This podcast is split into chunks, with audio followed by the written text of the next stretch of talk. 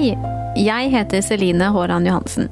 Jeg er sykepleier og jobber i aldring og helse, bl.a. med tilbud til barn og unge som har en forelder med demens. Vi har laget en podkast som heter Tid til å være ung. I denne podkasten snakker jeg med unge personer som har opplevd at en av deres foreldre har fått en demenssykdom.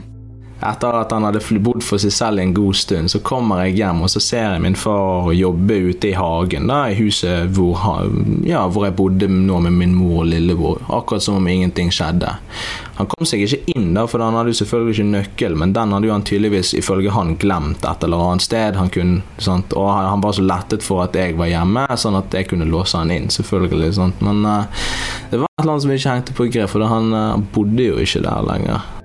En av grunnene til at jeg syns det er viktig å gi ut en podkast som denne, er at jeg selv opplevde at min pappa fikk demens da jeg var ti år.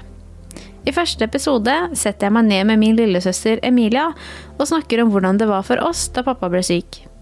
Jeg husker veldig godt når han bygde en ny, uh, nytt soverom mm. nede. Men jeg var sju, så jeg tenkte bare ok, nytt gjesterom, kult. Men det er jo det når man er barn. altså Selv når mamma og pappa ikke sover i samme seng lenger fordi han har bygd seg sitt eget rom. Du tenker jo ikke nødvendigvis mye over det, fordi at hva er normalt når du er sju år? Du veit jo ikke hva naboen gjør. I tiden fremover vil det komme fem episoder hvor du vil få et innblikk i hvordan det er å ha en forelder med demens. Og derfor håper jeg at du vil abonnere på denne podkasten. Du kan finne den overalt hvor du ellers lytter til podkast.